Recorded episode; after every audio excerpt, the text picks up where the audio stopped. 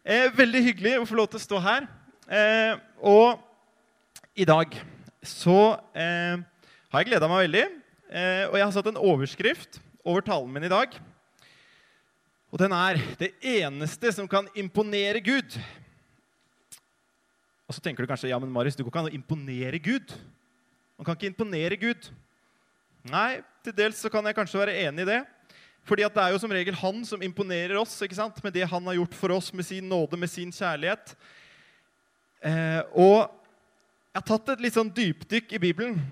Og det er sjeldent at Jesus har blitt imponert. Men jeg har funnet to tilfeller hvor Jesus faktisk blei imponert.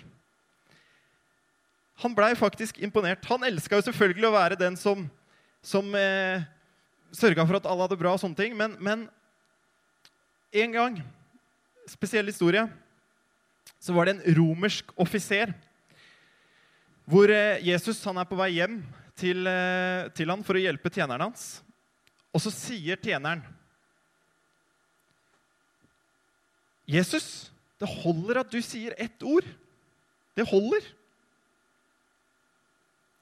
Og så endra Jesus planene sine. Gud endra planene sine. Og så sier han, 'Jeg var på vei hjem, men nå gjør jeg det her isteden.' Og så sier han altså at selv ikke Israel hadde så stor tro. Så Jesus han blei litt forundra. Han blei litt imponert. Så er det sånn at i alle religioner så er det noen sånne likhetstrekk som kan knytte alle religioner sammen. Eh, og det er jo selvfølgelig at man kommer inn på en sånn hellig måte, en sånn ydmyk måte.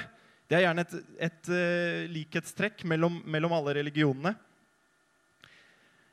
Og, og, jeg sier ikke at det ikke er det i kristendommen, at det, at det er sånn for oss. Men én forskjell da, som skiller oss fra alle andre religioner, fordi at mange religioner har det her. ok, Vi må ta av skoene, vi må vaske, vi må være rene og hellige. og Alt skal være så perfekt når vi kommer fram foran guden vår. Men så har vi en ingrediens i det kristne evangeliet som skiller oss fra alle andre religioner. Og det er at vi kan få lov til å komme i frimodighet foran Gud. Vi kan være frimodige foran Gud, og det skiller oss fra alle de andre religionene. Det er kun på grunn av Jesus. Og vi respekterer han allikevel. Vi elsker han allikevel. Vi hedrer Gud faktisk når vi kommer i frimodighet. Det står i Hebreerne 10 så står det Så har vi da søsken frimodighet ved Jesu blod til å gå inn i helligdommen, dit han har innviet en ny og levende vei for oss gjennom forhenget som er hans kropp. Det som Jesus etablerte, det var noe helt annet enn alle andre religioner. Gud kommer og sier, 'Her kan du tilbe, her kan du knele.' Det er en stor del av lovsangen. Men Gud sier også at 'du ærer meg ved å være frimodig. Du ærer meg ved å komme i frimodighet.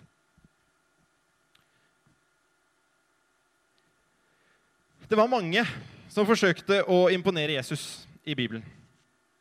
Det var mange. Og så tenkte jeg meg sjøl har jeg noen gang prøvd å imponere Jesus. Og svaret på det er vel egentlig ja. Og så vet jeg ikke, Kanskje noen kan ha hatt litt sånn dårlig samvittighet da etter en Nå har vi vært i en Eller vi er jo i en koronapandemi. Har vært og er og den tingen der. Kanskje da gjennom den perioden her så har man blitt litt sånn motløs. Man har kanskje ikke lest så mye i Bibelen, man har kanskje ikke bedt så mye som man skulle ønske at man kunne ha gjort. Man har kanskje ikke vært så mye på møter, og det er jo naturlige årsaker til det. for så vidt. Men man har kanskje mista litt rutiner. da, Fått litt dårlige rutiner. Og så tenker man kanskje at ok, da, da, må jeg gjøre et eller annet nå for å imponere Jesus. Men det er, liksom, det er oppskriften til å mislykkes. Det, det, blir bare feil, for Jesus han bare skuer rett igjennom. Jesus leser oss bedre enn noen andre mennesker. Og i, eh, i eh, Bibelen så er det en mann, i Lukas 18, så er det en mann, en rik, ung mann som prøver å imponere Jesus. Så kommer han til Jesus, og så kaller han Jesus for god.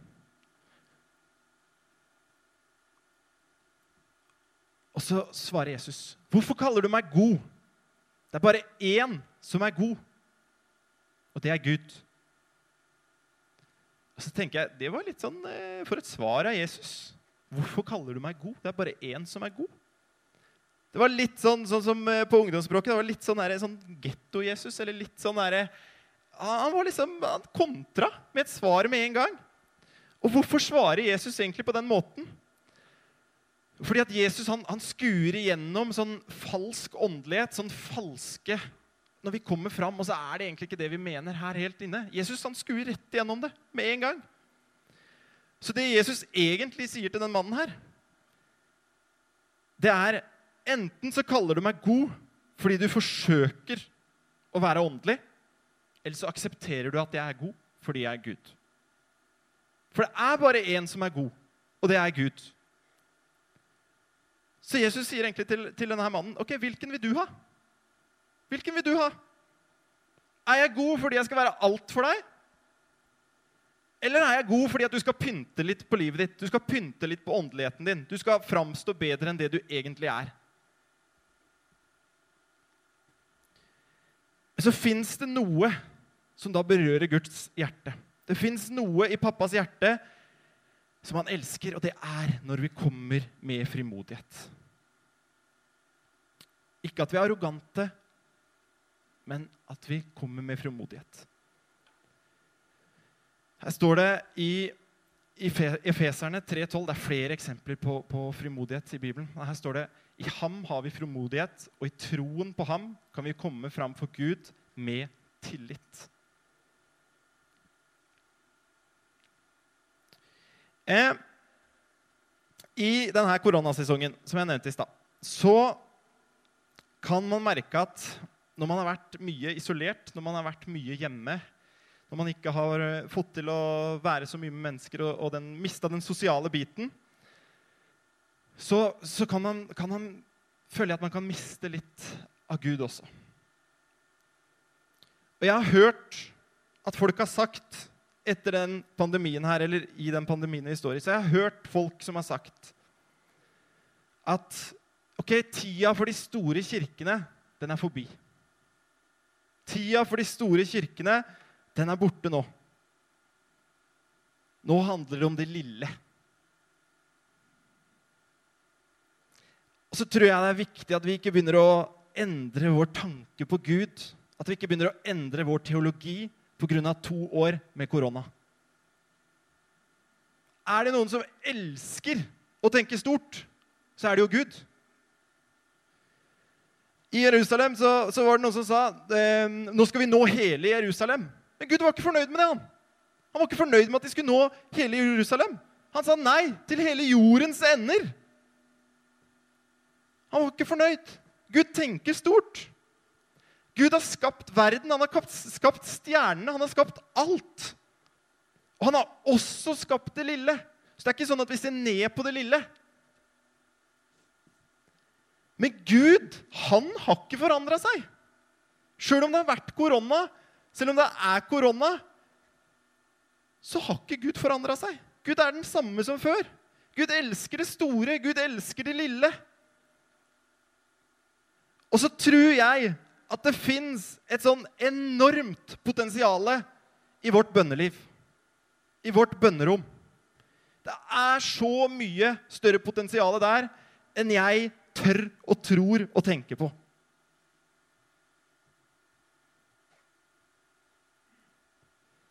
Og jeg tror at vi folkens, vi trenger å jobbe litt med den frimodigheten. Vi trenger å jobbe litt med det å tørre å spørre Gud om stort.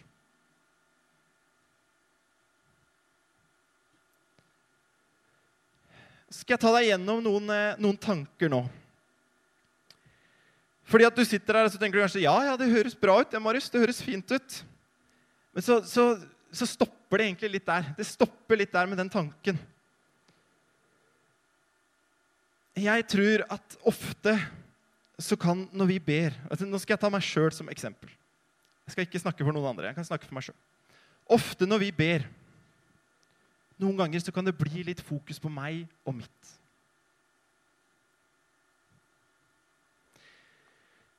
Jeg tror at i vårt bønnerom det er ikke der bare for å løse våre personlige problem og våre personlige situasjoner. Det er selvfølgelig det òg. Men bønnerommet vårt det er et sted for å endre hele verden rundt oss. Vårt bønnerom det er mer enn bare et sykehus for våre problemer. Det er også en flyplass for vårt potensial. Vi må våge å tørre stort, våge å eh, tenke stort og spørre Gud om stort.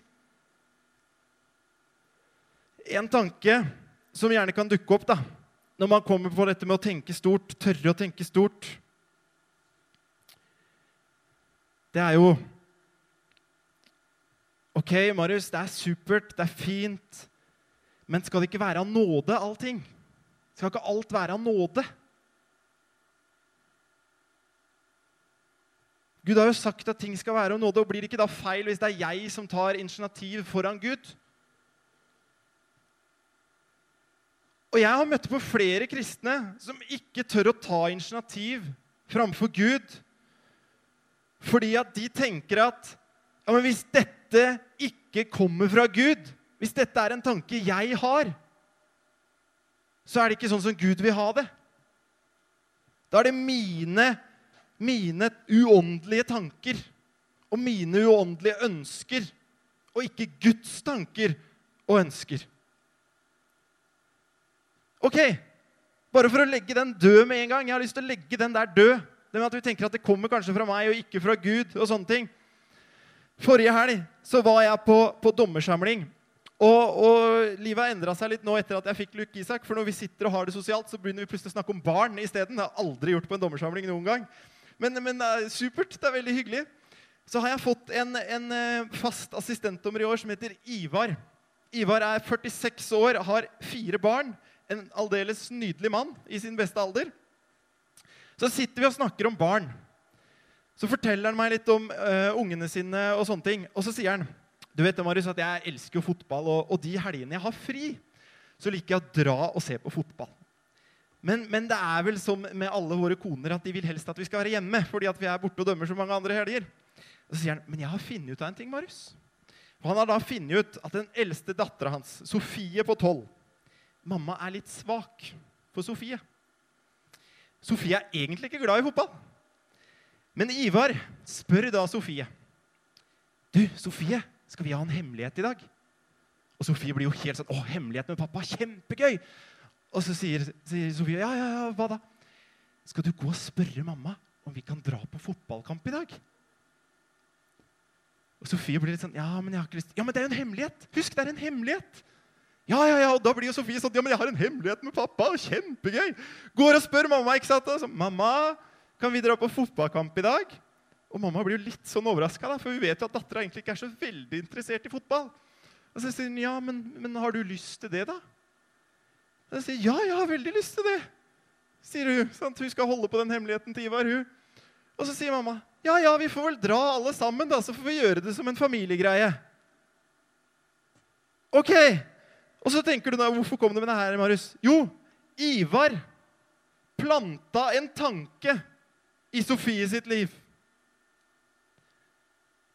Ivar planta en tanke inn til Sofie som han gikk og spurte da sin mor om. Og sånn tror jeg det er med oss. Den hellige ånd kan noen ganger plante noen tanker ned i vårt hjerte, og så sier Den hellige ånd, 'Gå og spør pappa om det.' Gå og spør Gud om det. Be Gud om det. Så det er ikke sikkert at de tankene du har om at nei, dette er kjødelig, dette er ikke Gud Nei, nei, ikke tenk det. Kanskje Den hellige ånd faktisk har planta den tanken ned i hjertet ditt. Og så ønsker han at du skal nettopp gå til Gud og spørre om den tingen der. Det er sånn Guds rike fungerer. Det er sånn Guds rike noen ganger jobber. En annen tanke det kan jo være at jo da, jeg kan være frimodig foran Gud, men, men Gud han har viktigere ting enn meg. Gud har viktigere ting enn mitt liv. Jeg har tenkt den tanken sjøl. Og så er det jo den da, som gjerne vi kan tenke på. At så lenge det fins liksom fattigdom og urettferdighet, så er det noen som tenker at da er det feil å spørre Gud om noe. Så lenge det fins i verden, hvorfor skal jeg da Jeg har det egentlig ganske greit. Ting er helt ålreit. Og selvfølgelig vi skal, vi skal, tenke på fattigdom og vi skal tenke på urettferdighet. og de bitene der. Det, det er en del av vår greie. Men jeg vil ikke at det skal bli en sånn stopper for at vi ikke våger å tenke stort. At vi ikke våger å, å spørre Gud om stort.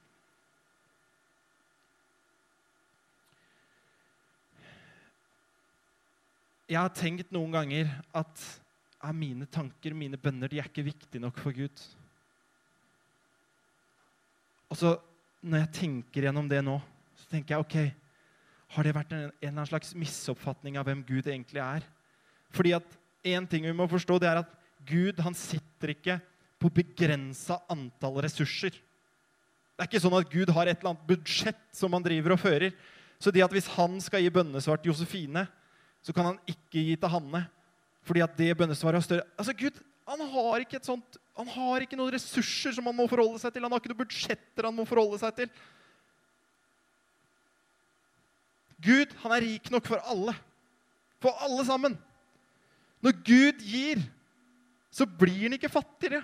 Når Gud velsigner, så blir ikke Gud fattigere. For å gi deg et bilde på det Hvis du ser for deg nå Sikkert mange her som er gira på å dra ned til, til, Syden, ikke sant? ned til Spania. Det hadde vært utrolig deilig nå. Se for deg, du drar ned, du elsker å ligge på Hvis du ikke elsker å ligge på stranda, så bare lat som du elsker å ligge på stranda nå. Du elsker det. Det er fantastisk. Det er derfor du har bestilt en tur til 13 000 kroner ned til Spania. Fordi du er lei av korona. Nå skal vi ned og, og, kose oss i sola. Så kommer du ned. Spaserer ned fra hotellet med håndkle over skuldra. Så er du så blid og fornøyd. Så kommer du ned og så bare Oi, her var det fullt! Masse folk på stranda. Så sånn Nå er det jo ikke noe brunfarge igjen til meg! Stranda er full! Det er 1000 mennesker her! Det er ikke noe brunfarge igjen til meg!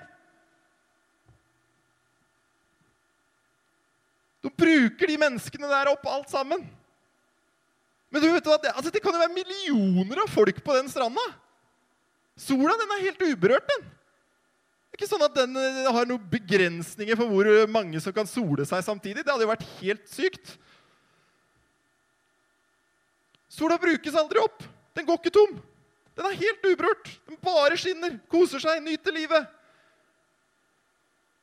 Og jeg tror at noen ganger så kan vi bli så opptatt av fattigdom og urettferdighet i verden. Vi er selvfølgelig kalt til å gjøre noe med det. Men noen ganger så kan det bli vårt fokus. Og så glemmer vi at ja, det fins noen sånne skyer da, av korrupsjon. Det fins noen skyer av fattigdom. Og så kommer dette foran sola av og til. Men betyr det at sola er borte? Nei. Sola er der alltid. Sola er alltid der, men det kommer noe foran av og til. Men sola er helt uforandra. Og den Gud vi har, den er også helt uforandra. Selv om det er urettferdighet i verden, så er Gud den samme. Han går aldri, aldri tom. Jeg hørte en ting fra en som sto på en plattform og holdt en tale. Så hørte jeg han sa Jeg tør ikke be frimodige bønner for Gud fordi det er så mye fattigdom og sult i verden. Dette blei sagt foran en ganske stor menighet i vårt land. Men hvis vi blir frimodige i bønnelivet vårt, hvis vi begynner å forstå kraften av velsignelsen Kanskje vi kan bli i stand til å gjøre en forskjell i verden nå, da?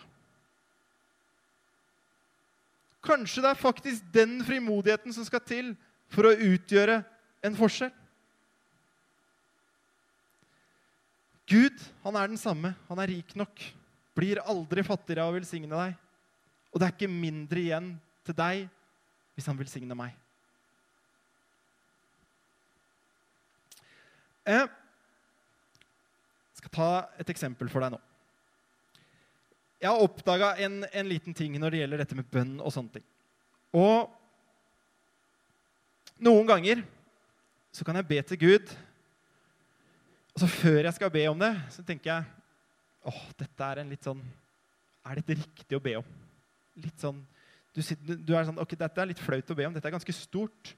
Dette er ganske en stor ting, liksom. Og så, for å trekke det ned til et, et eksempel her, da. Noen ganger, hvis man har barn Tilbake til Ivar og hans datter. Han fortalte meg at av og til så kommer Sofie. og Så kommer hun fram til for Ivar sånn, så sier hun, 'Pappa, kan jeg spørre deg om en ting?' 'Men jeg tror du kommer til å si nei.' Kan jeg spørre deg om en ting? Men jeg tror du kommer til å si nei. Og da blir Ivar litt sånn Oi, hva kommer nå? Når du tror jeg kommer til å si nei, da må det jo være et eller annet spennende. Det må være noe stort, det må være kanskje noe hun ikke får lov til. noe et eller annet. Hva er dette? Altså, Ivar blir jo nysgjerrig. Han, blir, han er jo spent på hva som kommer. Nå kommer det en eller annen diger greie. Og så kommer det da kanskje et eller annet. Det kan være hva som helst. Og så sier Ivar til meg, vet du, Marius Når Luke Isak blir så stor at han kommer foran deg, og så sier han akkurat det her 'Pappa, skal jeg spørre deg om noe, men jeg tror du kommer til å si nei. Så sa han, av og til da, så må du overraske Luke Isak, og så må du si ja. Så må du si, Selv om han har trodd at dette er noe han ikke skal få lov til, dette er noe han ikke skal få til, så sier du ja. Og så sier Ivar, og grunnen til det, det er fordi at jeg har lyst til å vise at frimodighet, det betaler seg. Det lønner seg å spørre. Ivar vil at hans barn skal tørre å komme til han og spørre om alt. Og Derfor så sier Ivar ja noen ganger innimellom. Fordi da skjønner barna at ok, det lønner seg å spørre. Uansett hvor svær ting jeg, hva jeg lurer på nå, så spør jeg pappa. Fordi at av og til så får jeg ja, av og til får jeg nei. Men det er verdt det. Jeg er frimodig, jeg tør å spørre. Fordi at jeg har jo fått noe. Og jeg har bedt, bedt noen sånne bønner det siste året. Hvor jeg liksom føler at jeg kommer med veldig frimodighet, og så, og så skjems jeg litt foran Gud i tillegg. Det er litt sånn, Jeg tror du kommer til å si nei, Gud, men, men kunne jeg vært så snill og fått et helt lovsangsteam som kunne spilt det neste året? fordi vi har ikke noe lovsangsteam nå. Kunne jeg vært så snill å få flere ungdommer på ungdomsmøtet? fordi at akkurat nå så er vi litt få.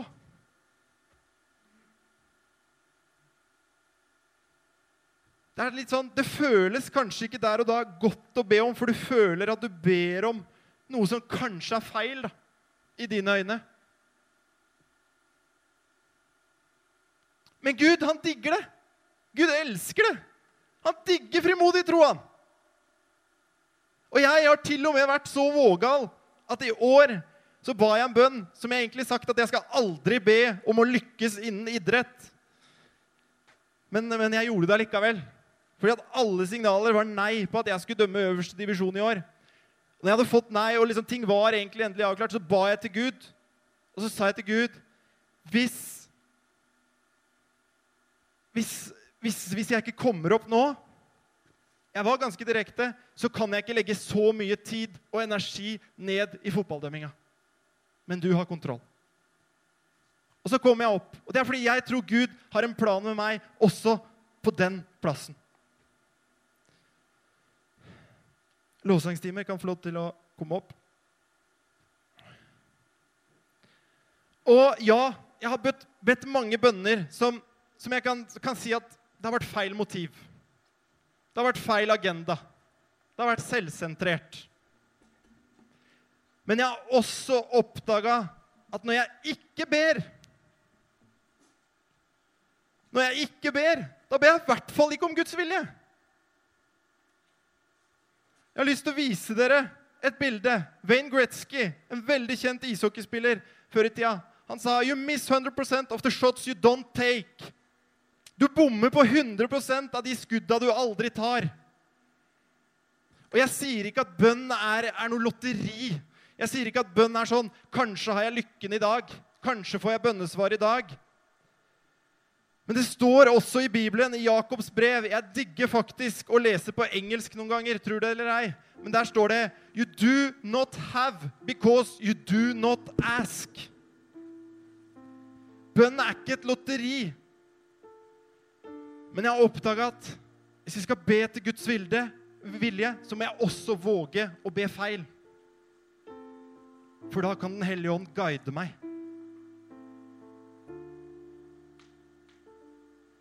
En siste innvending som vi kan ha, det er jo kanskje OK, Marius, jeg tør ikke å drømme eller be eller våge så stort.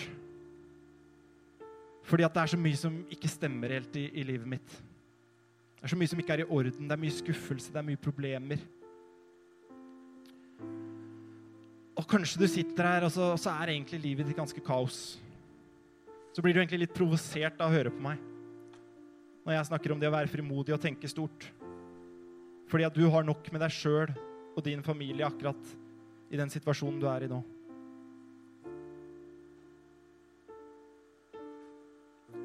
Og så tenker du kanskje Marius, skal jeg ikke være ærlig, da? Skal jeg ikke være ærlig framfor Gud? Jeg kan ikke fake noe. Jeg kan ikke late som om alt er fint. Hvordan kan jeg ha tro og forventning når alt egentlig bare er skuffelser? Og jeg tror, og jeg vet, at selv om jeg sier at vi skal ha frimodig tro, så er det ikke sånn at Gud ber om at vi skal fornekte vår skuffelse, vår smerte. Men én ting jeg har oppdaga, det er at du må plassere ordet 'men' på riktig sted når du ber. Når du ber, så må du plassere ordet 'men' på riktig sted. Jeg oppdaga det plutselig når jeg ba. Et eksempel kan være Jeg tror Gud tar hånd om sin kirke, men denne koronasituasjonen er krevende. Og så oppdaga jeg at OK, Marius, hva gjør jeg her? Jeg tar Guds løfter, og så drar jeg det ned til min bekjennelse. Og så sa Gud til meg en dag hvor jeg ba du må bare bytte om, Marius. Bytte om på rekkefølgen. Bytte om på menn. Så istedenfor 'Jeg tror Gud tar hånd om sin kirke, men denne koronasituasjonen er krevende', så kan jeg si 'Denne koronasituasjonen er krevende, men Gud tar hånd om sin kirke'. Jeg bare bytta litt på rekkefølgen. Jeg har plassert menn et annet sted. Istedenfor Jo, jeg tror at Gud kan helbrede meg, at han kan være min lege, men jeg kjenner smerter i min kropp. Du kan fortsatt være ærlig med Gud, og så kan du si Jeg har smerter i min kropp, men jeg vet at Gud kan helbrede meg. Kanskje noen sier, 'Jeg tror Gud gir meg kraft og styrke, men jeg har et stort fjell av utfordringer foran meg.' Vi kan være ærlige så kan vi si, 'Jeg har et stort fjell av utfordringer foran meg, men Gud gir meg kraft og styrke.' Og jeg tror at det sitter noen her som kanskje trengte å oppdage det i dag. At du må bare bytte om litt på rekkefølgen. Istedenfor å ta din tro og din bekjennelse med opp til dine følelser, så kan du være frimodig i bønnelivet ditt. Så kan du bytte om.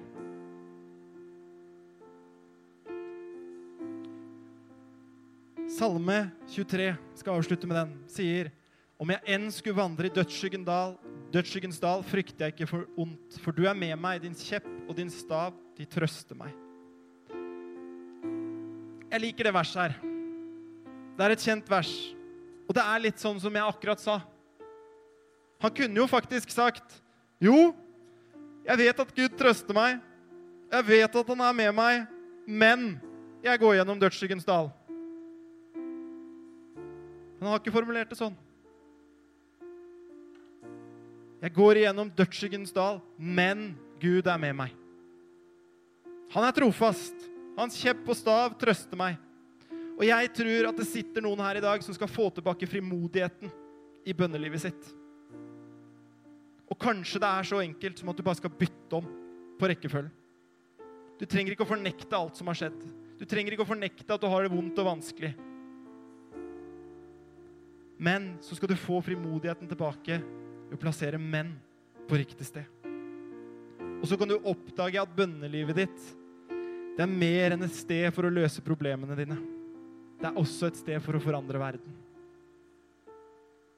Og du ærer Gud.